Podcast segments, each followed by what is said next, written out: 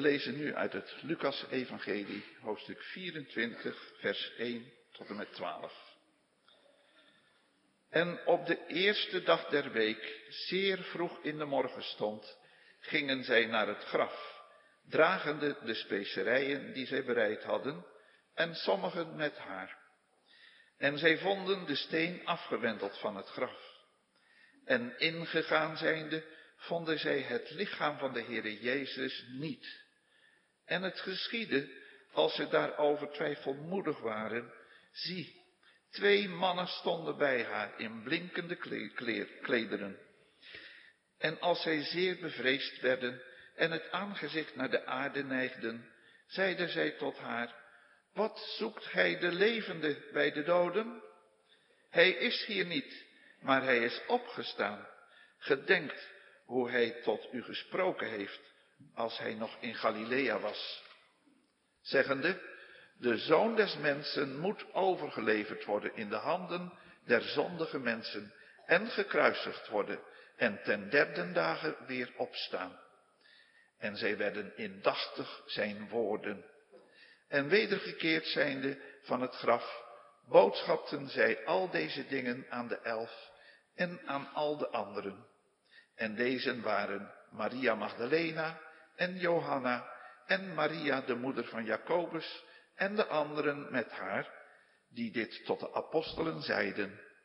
En haar woorden schenen voor hen als ijdel geklap, en zij geloofden haar niet. Doch Petrus opstaande liep tot het graf, en nederbukkende zag hij de linnendoeken liggende, liggende alleen, en ging weg zich verwonderende bij zichzelf over hetgeen geschied was.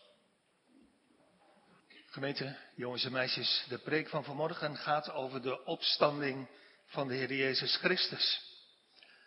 We hebben erover gelezen in Lucas 24, vers 1 tot en met 12. En ik lees als tekst voor de preek van vanmorgen het tweede stukje van vers 5 en vers 6 nog een keer voor u voor. Waar de engel vraagt, wat zoekt u de levende bij de doden? Hij is hier niet, maar hij is opgestaan. Gedenkt hoe hij tot u gesproken heeft, als hij nog in Galilea was. Het thema voor de preek is opgestaan van de doden. Drie aandachtspunten. De vrouwen zoeken, de engelen hebben een boodschap en de discipelen geloven hen niet. Opgestaan van de doden, de vrouwen zoeken, de engelen hebben een boodschap en de discipelen geloven hen niet. We beginnen met de vrouwen die zoeken. Gemeente, iedere evangelist beschrijft de opstanding op zijn eigen manier. Wat Lucas erover zegt begint eigenlijk in het vorige hoofdstuk. In hoofdstuk 23, vers 49 met het verhaal van de van ver staande discipelen. Zeker, het gaat over de vrouwen, maar op de achtergrond gaat het over de discipelen. En het zijn de vrouwen die straks het woord, de boodschap van de engelen brengen bij de discipelen. En laten we eerst in gedachten maar eens meelopen met de vrouwen. Straks gaan we horen, horen wie het waren. Maar loop in gedachten eerst maar even mee. Als ze weggaan van huis, is het nog donker. Maar als ze bij het graf komen, begint het langzaam lichter te worden. Ze zoeken. Wie zoeken ze? Wie missen ze? Hun Heer Jezus. Dit is voor hen, net als de afgelopen dagen, een dag van verdriet. Want hij is gestorven aan het kruis. Maar voor hen is er werk aan de winkel. In alle vroegte zijn ze op pad gegaan met specerijen om het lichaam van de gestorven Heer Jezus te zalven.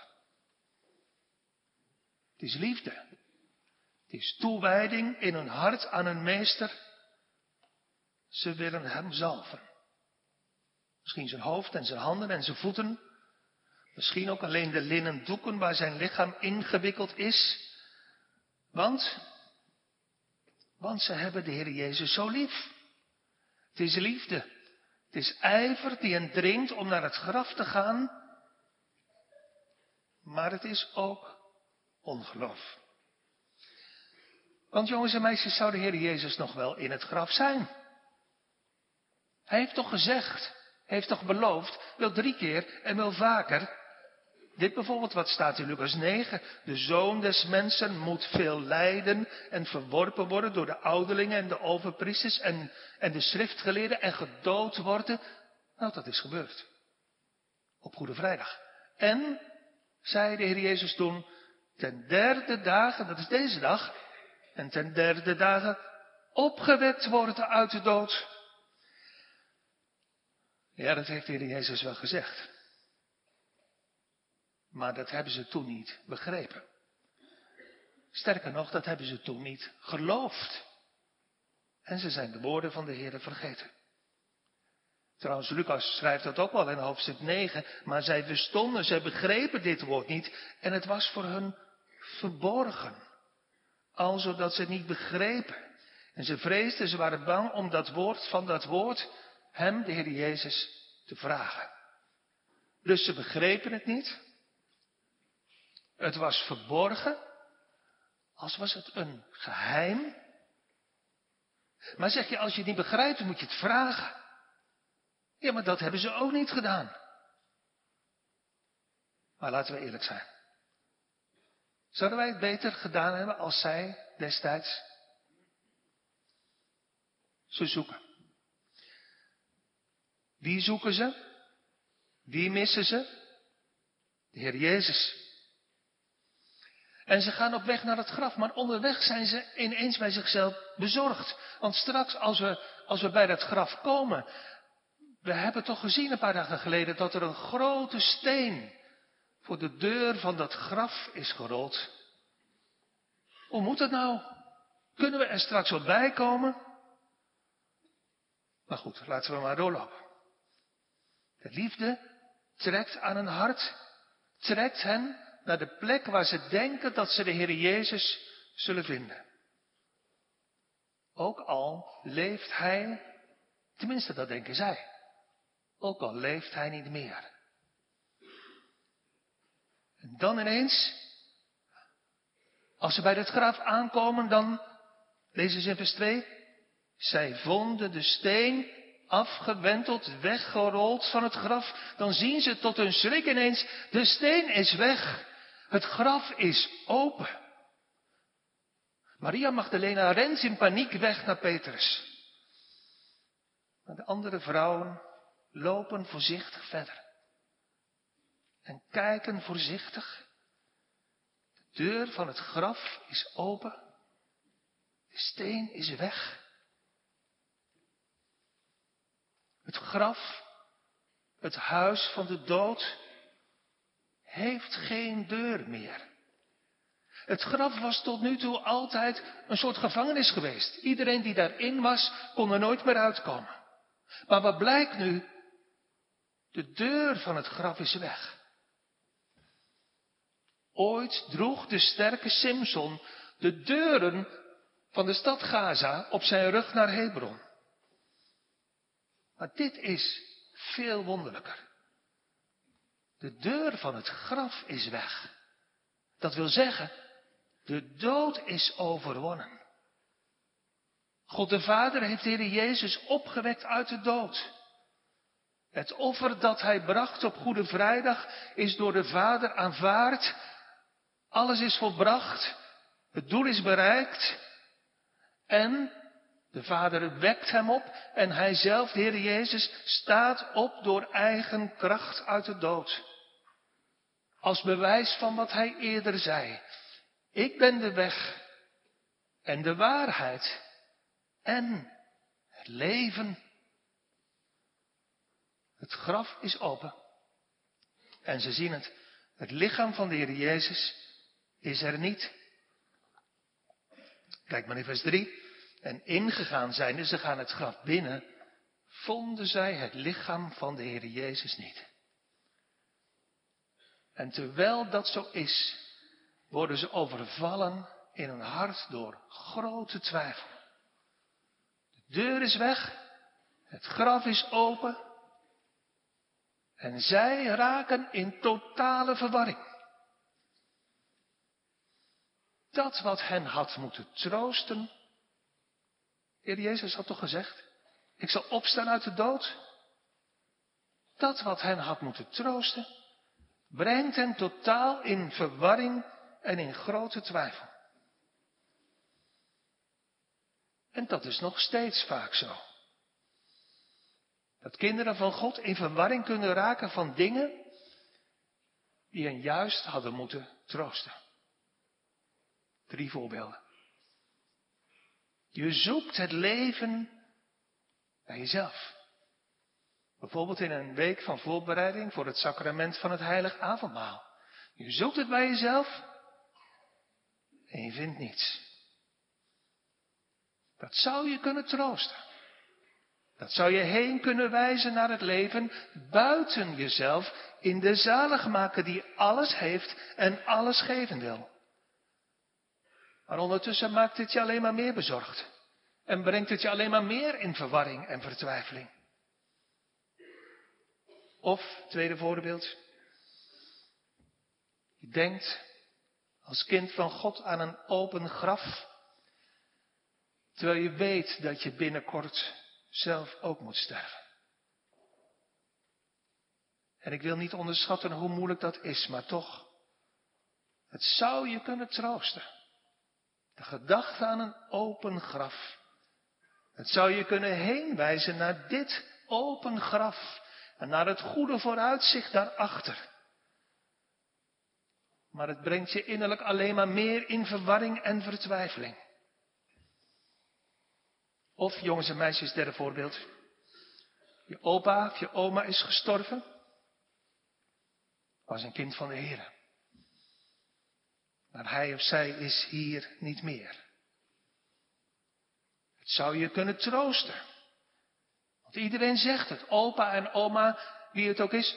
Hij of zij heeft het veel beter in de hemel dan hier op de aarde.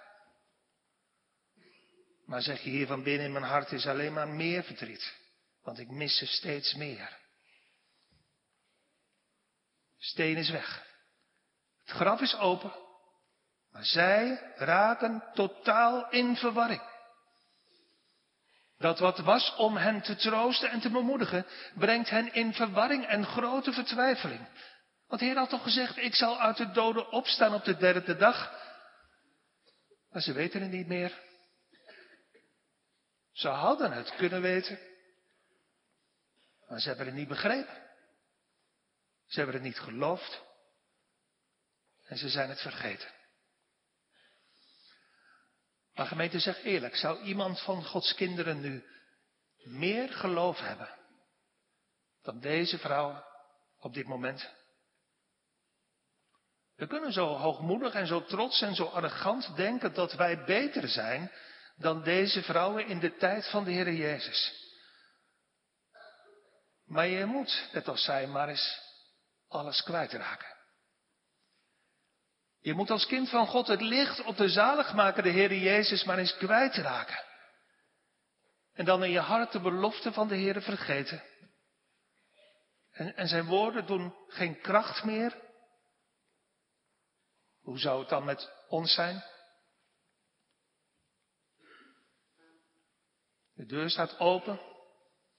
En dus gaan die vrouwen één voor één voorzichtig naar binnen. Ze kijken een beetje rond, maar ze moeten even wennen aan het donker in dat donkere graf. Totdat ineens, lees eens in vers 4, zie, twee mannen stonden bij haar in blinkende klederen. Ineens helder licht verblindt hun ogen. Licht zo helder als de bliksem. Waarbij jongens en meisjes onze ogen ook voor dicht knijpen en, en ons hoofd voor wegdraaien. Maar dit, dit is nog veel feller, want het is veel dichterbij. Ineens zien ze twee mannen in fel blinkende kleding. Twee engelen. Je zegt, jongelui, hoe zit dat? En ik vind dat een goede vraag. Matthäus heeft het over één engel. Marcus heeft het over één jonge man. Johannes, ander Bijbelboek, heeft het over twee engelen. Niet één maar twee. En Lucas heeft het over twee mannen.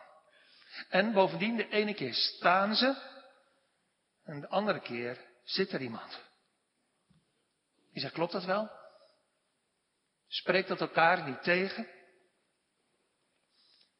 Nee, dat is juist het bewijs dat het wel klopt.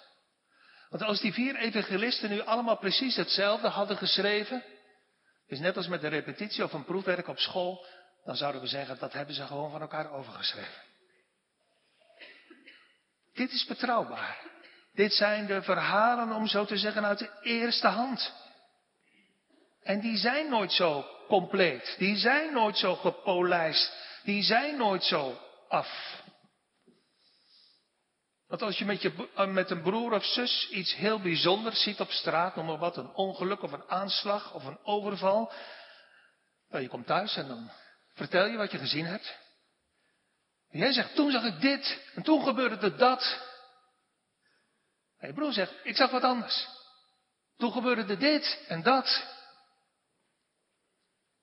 Niet dezelfde verhalen, maar wel allebei waar. En trouwens weet je, jongelui, waarom dit ook waar is? Als dit verhaal nou zou verzonnen zijn door de discipelen, ja, maar dan ga je toch niet schrijven over je eigen hardnekkige ongeloof. Dat zou ik tenminste niet doen. Ik zou er hooguit bij schrijven. Ja, wat ik ervan dacht, dat zeg ik nu maar even niet. Dit is betrouwbaar. En in de Bijbel geschreven, opdat ook jij geloven zou. Ineens, wit, fel, oogverblindend, helder licht. Twee engelen. En ze hebben een boodschap. Tweede punt van de preek, de engelen en hun boodschap. Want kijk maar in vers 5. En als zij zeer bevreesd werden en het aangezicht naar de aarde neigden, zeiden zij, de engelen tot haar, wat zoekt u de levende bij de doden? Ze staan perplex, als aan de grond genageld, zeer bevreesd. Ze duiken in elkaar met hun hoofd in de richting van de grond. Maar bukken ze nou uit angst voor de engelen? Of het kan ook zijn, zegt de bekende Bijbeluitlegger Matthew Henry, dat ze bukken naar de grond nog steeds zoeken. Niet zozeer in de eerste plaats onder de indruk van die engelen, maar nog steeds en vooral bezig met dat ene. Waar, hier in de donkere graf en nu met het verlicht, waar is onze Jezus? Matthew Henry zegt, die Jezus heeft meer schoonheid in hun ogen, al denken ze dat hij gestorven is, dan een blinkende engel. Geldt dat ook voor u? En dan zeggen die engelen, klinkt heel vriendelijk, niet boos, maar, maar wel een beetje verwijtend. Vers 5b, 6. Wat zoekt u de levende? Hè? Wat zoekt u de levende bij de doden? Hij is hier niet. Dit is nieuws van de engelen. Helemaal niet. Dit is geen nieuws. Dit hadden ze kunnen weten. Maar ze waren het vergeten. En ze hadden het niet geloofd. Hij is hier niet, maar hij is opgestaan. Gedenk, en dan voel je de liefdevolle vermaning. Denk er toch aan. Gedenk hoe hij tot u gesproken heeft toen hij nog in Galilea was. En dan, dan herinneren ze zich weer zijn woorden. Dan weten ze het weer, die woorden van hun meester. En dan geloven ze. Maar de vraag is wel hoe en waarom. Geloven ze omdat ze ineens zelf alles weer op, een rijtje hebben en, en bij zichzelf tot de conclusie komen, ja nu snap ik het allemaal. Is dat het? Nee, dit is het verborgen werk van de Heilige Geest in een hart. Van wie de Heer Jezus ooit zei, die, de Heilige Geest, zal u alles leren en u indachtig maken. Laat u terugdenken aan mijn woorden, zodat u die gelooft. Iemand schreef ooit, Gods kinderen zijn geneigd om zelfs de meest genadige beloften van God te vergeten. Wat zijn we toch ellendige mensen.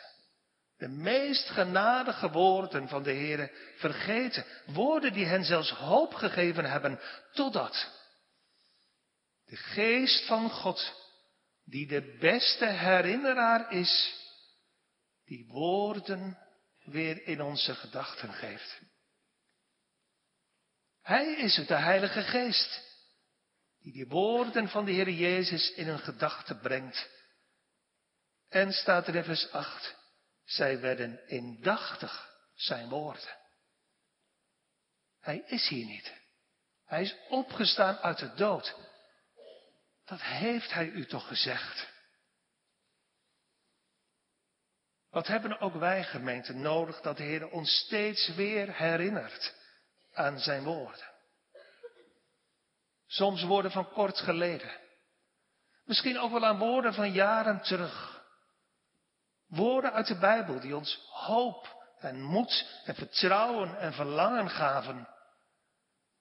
Maar daarna zakte het weer weg. En werd het weer zo donker in ons leven. Woorden die, die kracht deden in onze ziel en die ons totaal in, in, tot in alle vezels van ons bestaan aanspraken. Maar toen gleed het weer langzaam weg. En werd het weer zo stil in ons leven. Belofte woorden, ontdekt door het licht van Gods genade in de schrift die tot ons spraken. Maar daarna niet meer en pijnlijk verdriet en schrijnend gemis deed en doet ons zingen. Ja, dat kan je wel denken. En dat kan je wel zingen. Zouden zijn beloften hun vervulling missen, maar. Jongens, meisjes, hoe komt het? Dat de vrouwen en de discipelen zo verdrietig zijn met Pasen.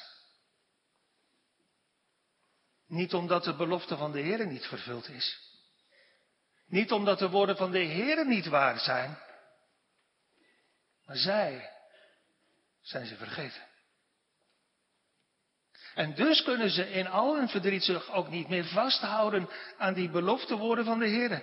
En gaan ze hun troost zoeken op een andere plaats. Wat zoekt u eigenlijk? Wie zoekt u? En waarom zoekt u de levende bij de doden? Als je in je leven vrede, troost en geluk en toekomst mist, waar, waar zoek je die dan? Zoek die dan niet zoals deze vrouwen in het graf in het graf van de zonde. Zoek die dan niet in het dienen van de dingen van deze tijd die voorbij gaan, want daar vind je het niet. Augustinus zei het al. Onrustig, onrustig blijft je hart, totdat het rust vindt in God. Als je hart onrustig is en je God zoekt, waar zoek je hem dan? Zoek hem dan niet in je eigen hart, in je eigen gevoel, in je eigen gedachten, in je eigen ervaringen, want daar vind je hem niet. Speuzen zegt, je hebt meer kans dat je een diamant vindt als je de straat hier aanveegt in Capelle, dan dat je blijvend troost vindt hier in jezelf. Zoek hier je rust niet. Zoek je rust ook niet in, in wetenschap, in denken, in redeneren. Zoek je rust niet in de schepping, want je vindt er Jezus niet.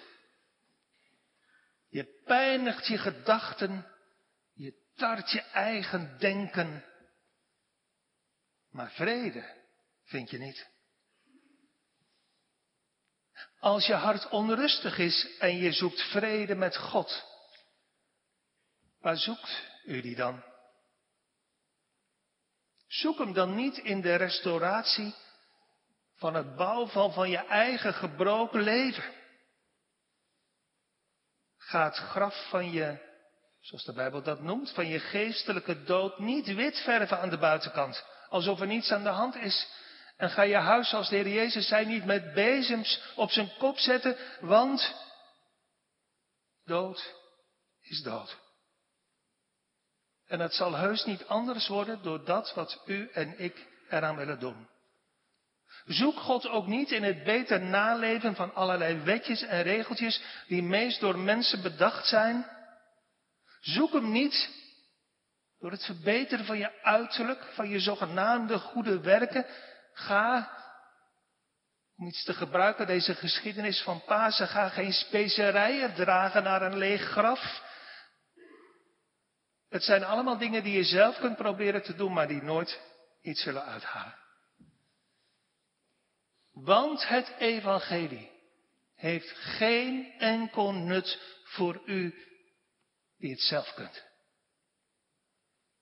Wel voor u die verloren bent. Als je jezelf kunt redden, doe het vooral. Maar alsjeblieft, doe het niet. Maar vergeet niet, het evangelie is voor zondaars, voor mensen die met God gebroken hebben en al zijn geboden hebben overtreden. En die naar Gods rechtvaardig oordeel de eeuwige straf hebben verdiend en die dat erkennen en dat beleiden. Voor zulke mensen, voor dat soort van slechteriken, is de zaligmaker gekomen. Om, om hun overtredingen uit te wissen zoals je een bord schoon wist, om hen met God te verzoenen en te brengen tot die vrede met God. En dat is het evangelie. Jezus Christus heeft de macht van de zonde en van de dood overwonnen en dus is er redding beschikbaar voor ellendige en verloren mensen.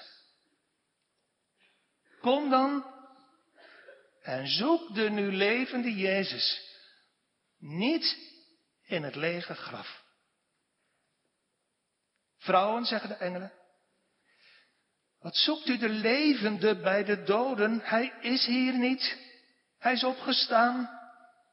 Gedenk hoe hij tot u gesproken heeft toen hij nog in Galilea was. Met andere woorden, denk toch terug aan zijn woorden.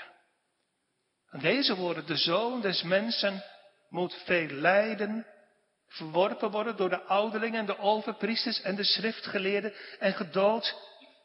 En ten derde dagen opgewekt worden. Dat moet, had de Heer Jezus gezegd. Dat kan niet anders. Dat is echt nodig om te voldoen aan Gods rechtvaardige eis. Er moet betaald worden voor de zonde. Daarom moet het. En het moet om u, vrouwen, mijn kinderen, om u die mij lief hebt, vrij te kopen. Als slaven los te kopen uit de klauwen van de duivel. Hoe letterlijk was het voorzegd? Verworpen door de ouderlingen, de overpriesters en de schriftgeleerden. En gedood. En nu is het de derde dag. Maar ze zijn hem kwijt. Ze weten het niet meer. Ze hebben het niet begrepen, niet geloofd. En ze zijn het vergeten. Maar het woord dat deze engelen, deze hemelboden brengen op deze vroege paasmorgen, is een woord uit de hemel. Een woord uit Gods mond zelf. En ik bid dat de woorden van morgen, vanaf deze preekstoel gesproken, in uw hart ook zullen zijn als woorden uit de hemel. Als Gods woorden. Om u, kleingelovigen, ook te herinneren aan zijn woorden. Die u niet geloofd hebt. En die u misschien al bijna of helemaal vergeten bent. Deze woorden, dat dit moest. Dat dit nodig was. En nu is het volbracht. En als bewijs daarvan heeft zijn Vader in de hemel de Heer Jezus opgewekt en hij is opgestaan uit de dood. Nu is alles volbracht door hem voor u. Zijn sterven was voor u. Zijn leven is voor u. Zoek het dan toch niet meer bij uzelf. Of ergens anders. Want daar is het gewoon niet. Hij, de Heer Jezus, heeft toch gezegd, ik ben de weg en de waarheid en het leven alleen. Dat woord van de engel, engelen, opent hun ogen, raakt hun hart en, vers 8, zij werden indachtig zijn woorden. Ze geloven het woord. Ze zien? Nee, ze zien de Heer Jezus nog niet. Ze zien alleen dat lege graf. Maar ze geloven zijn woord. En zien door het geloof de opgestane Christus in het woord. Hun Heere leeft. En hij heeft leven verdiend voor hen. Dat is Pasen. Mogen horen uit Gods mond. En mogen geloven, hij is dood geweest. En hij leeft. Ook voor mij. Met Pasen gebeurt er iets in het leven van deze vrouw. Er komt een andere koers, een andere richting in hun leven. Ze hebben voordien geleefd en dat was een gelukkig leven. Van de hartelijke liefde tot hun meester. Maar nu leert de Heer hen. En daarin ligt veel meer vastheid en veel meer zekerheid. Nu leert de Heer hen om te geloven, om te leven door het geloof in het beloofde woord. Ook al zien ze hem niet. Zoals de apostel later zegt, als ziende de onzienlijke. Dat gemeente is Pasen. Mogen horen en geloven. Vanuit de Bijbel, vanuit de schrift. Bij het licht van de Heilige Geest. Hij is dood geweest en hij leeft. En, want daar gaat het om, dat is ook voor mij. Hij is te zijner tijd voor de goddeloze gestorven. Maar hij leeft ook voor mij. Ze horen het. Ze zien de Heer Jezus niet met hun ogen. Maar ze horen het, ze horen het woord. De woorden van Christus komen weer terug in hun gedachten en ze geloven het omdat de Heilige Geest hen dat indachtig maakt. Met andere woorden, de Heilige Geest herinnert hen aan de eerder gesproken woorden van de Heer, die ze eerlijk gezegd toen niet geloofd hebben. Dus dat mag ook wel de conclusie zijn. We hebben nooit reden om trots te zijn op ons geloof. Het is maar wankel. Het is maar zwak. Het komt letterlijk van boven. We moeten ons eerder met deze vrouwen schamen voor ons ongeloof. Ze geloven het woord. En dus verlaten ze het graf. Want het is één van twee. Niet en en. Het is of op weg naar de levende Christus, of blijven bij dat kille, donkere graf van je eigen inspanningen.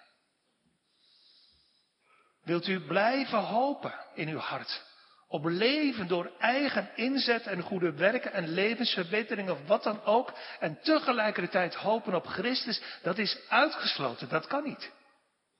Het is één van twee. Zij laten alles, ook die kostbare specerijen die ze klaargemaakt hebben, daar bij het graf achter. Daar is geen leven meer te vinden. Ze verlaten het graf en ze gaan op zoek naar, vers 9, naar de elfen, naar de discipelen. Die zo van verre stonden bij het kruis. Ook zo vol van twijfel en ongeloof. Weer iets om ons niet op te verheffen, om trots op te zijn. Die denkt dat hij beter kan geloven dan de discipelen van de Heer Jezus, die heeft het mis, sterker nog, die is blind. Zij, de discipelen, zijn ook het bewijs dat God ons daar moet brengen waar we zelf niet kunnen. En misschien ook wel niet willen komen. En tegelijkertijd zie je hier, als het echt Pasen wordt. Als de woorden van de opgestaande Heer Jezus, als je die echt hoort en geloven mag, dan gebeurt er iets dan gaat je hart in brand. Letterlijk. Dan is dat niet als een, schat die je koestert en lekker houdt voor jezelf en die iemand anders misgunt. Maar dan zeg je zoals uh, Psalm 122 dat zegt. Kom, ga met me mee, ga met ons en doe als wij, want Jezus is waarlijk opgestaan. Dus ze gaan op weg naar de elf discipelen. Judas is er niet meer. En wij lopen in gedachten nog even met ze mee. Met vers 10, daar worden ze genoemd. Maria Magdalena en Johanna. En Maria, de moeder van Jacobus en de anderen met haar. Wie zijn het allemaal? Maria Magdalena, je weet het misschien wel jongens en meisjes, dat is een vrouw uit, uit wie de Heer Jezus zeven duivels had uitgeworpen. En vanaf die tijd was ze de Heer Jezus gevolgd en had ze hem gediend van, van haar goederen, van haar bezit. Dus Maria Magdalena. Johanna was de vrouw van Guzas, de minister van Financiën van koning Herodes. Een vrouw dus van hoog aanzien. En dus een betrouwbare getuige. Maria Magdalena, Johanna en Maria, de moeder van Jacobus, van Jacobus de Kleine, Waarschijnlijk een tante van de Heer Jezus. Drie heel verschillende vrouwen dus en nog wat andere. Verschillende soorten getuigen. Veel getuigen. Dus zou je denken, discipelen, wat zij gaan vertellen tegen je, dat is betrouwbaar, dat moet je geloven. Maar, derde punt van de preek, de discipelen geloven niet. Want als die vrouwen langs de verschillende huizen van de discipelen gaan, ze zijn verstrooid, ze zijn niet meer bij elkaar, dan vers 11, lijken hun woorden als ijdel geklap, kletskoek, onzin. En ze geloofden hen niet. En zeker voor ons in deze tijd nu is het een dubbel bewijs van de echtheid van wat er toen gebeurd is. Er zijn meerdere getuigen. Er zijn onafhankelijke getuigen. En hun verhaal wordt afgedaan als onzin. Dat is juist een bewijs, als je daar even over doordenkt, dat de schrijvers van de evangelie dit niet zelf hebben verzonnen. Maar zij geloofden hem niet. Mannen, de Heere is waarlijk opgestaan. Onzin. Hier is de vervulling van de profetie van Jezaja. Wie heeft onze prediking geloofd? Deze prediking uit de mond van de Heer Jezus. Een kleine tijd en u zult mij niet zien. En wederom een kleine tijd en u zult mij zien. Want daarna ga ik heen tot de Vader. Want ik leef en u zult leven. Antwoord? Onzin.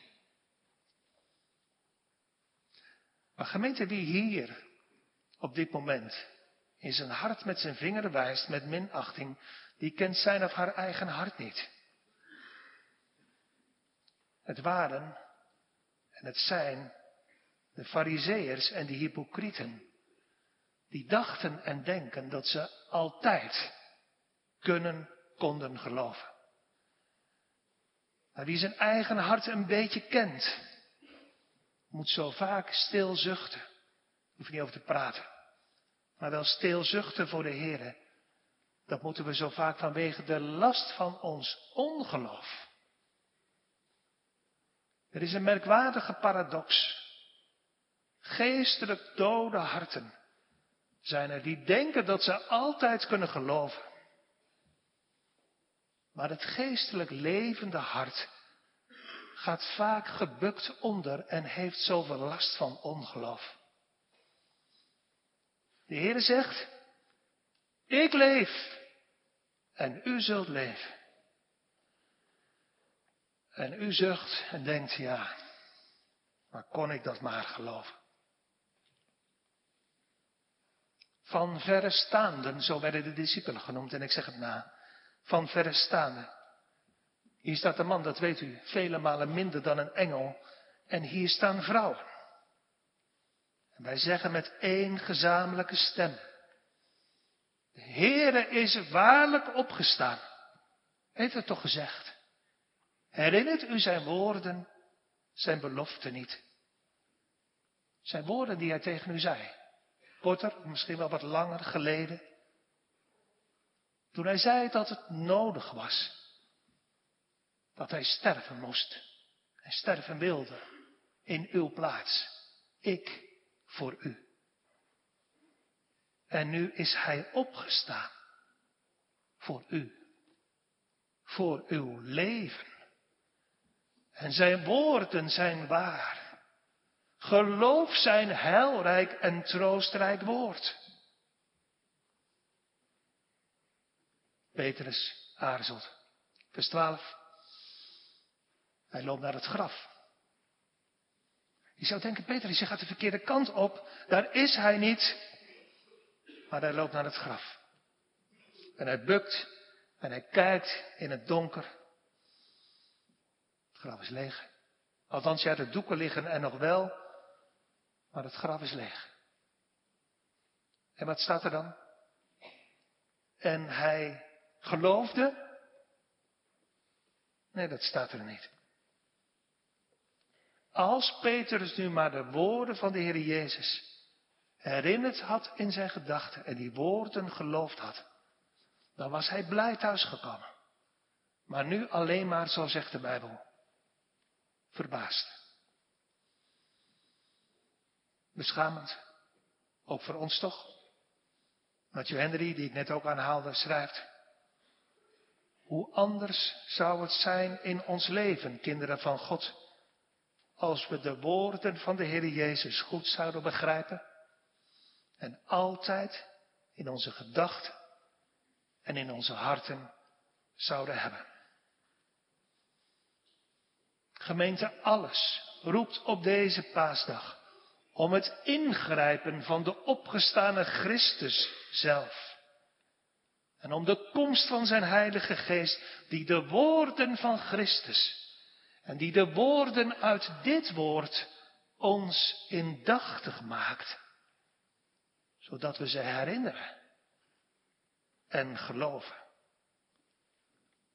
Ook u, nog steeds van verre staande, dat wil zeggen twijfelende discipelen, opdat u deze woorden geloven zou die de toen nog twijfelende Petrus later heeft opgeschreven in dit boek.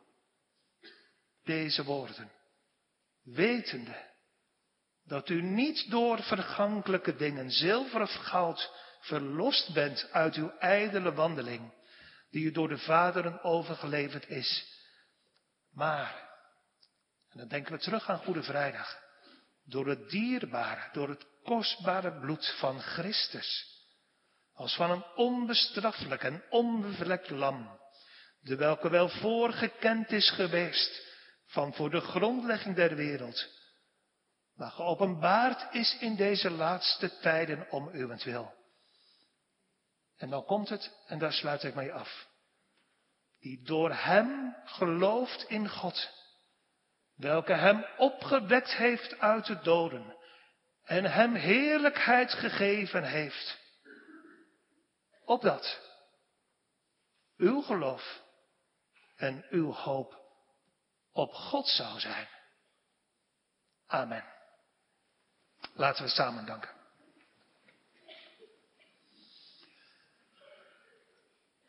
Lieve Heren in de hemel, alles vraagt om uw ingrijpen.